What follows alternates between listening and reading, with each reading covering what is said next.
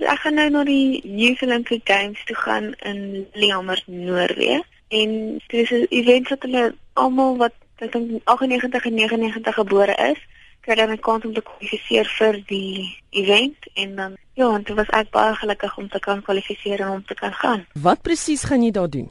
Ek het vir alpynse ski gekwalifiseer. Ek gaan deelneem aan die slalom en die giant slalom event.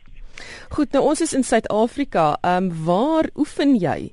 Ek oefen by Tefendal. Ek is deel van die Winter Sports Academy.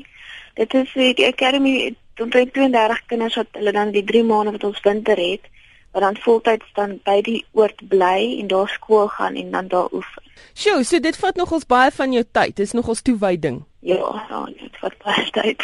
Waar het sou jou dag tipies bestaan as jy so oefen? As ek by Tefendal is, dan staan ons redelik vroeg op en doen ons warm-ups, so dan hardloop ons gou vinnig by die berg af, doen 'n paar oefeninge, dan ons ontbyt en dan begin ons dan ski ons gewoonlik in die oggende en dan sal ons die middag sal ons klas hê en ons onderwysers ons dan help met al ons verskillende goedertjies en dan het ons weer 'n fiksheidssessie en dan in die aand het ons weer studie.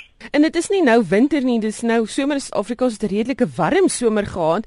Hoe het jy voorberei om om te gaan? Ja, ek het um, in Desember het ek in Italië en in Oostenryk deelgeneem aan internasionale kompetisies en geoefen. En dan as ek nie in die winter is nie, dis somer dan het ek 'n fiksheidprogram wat ek dan volg wat ek elke dag dan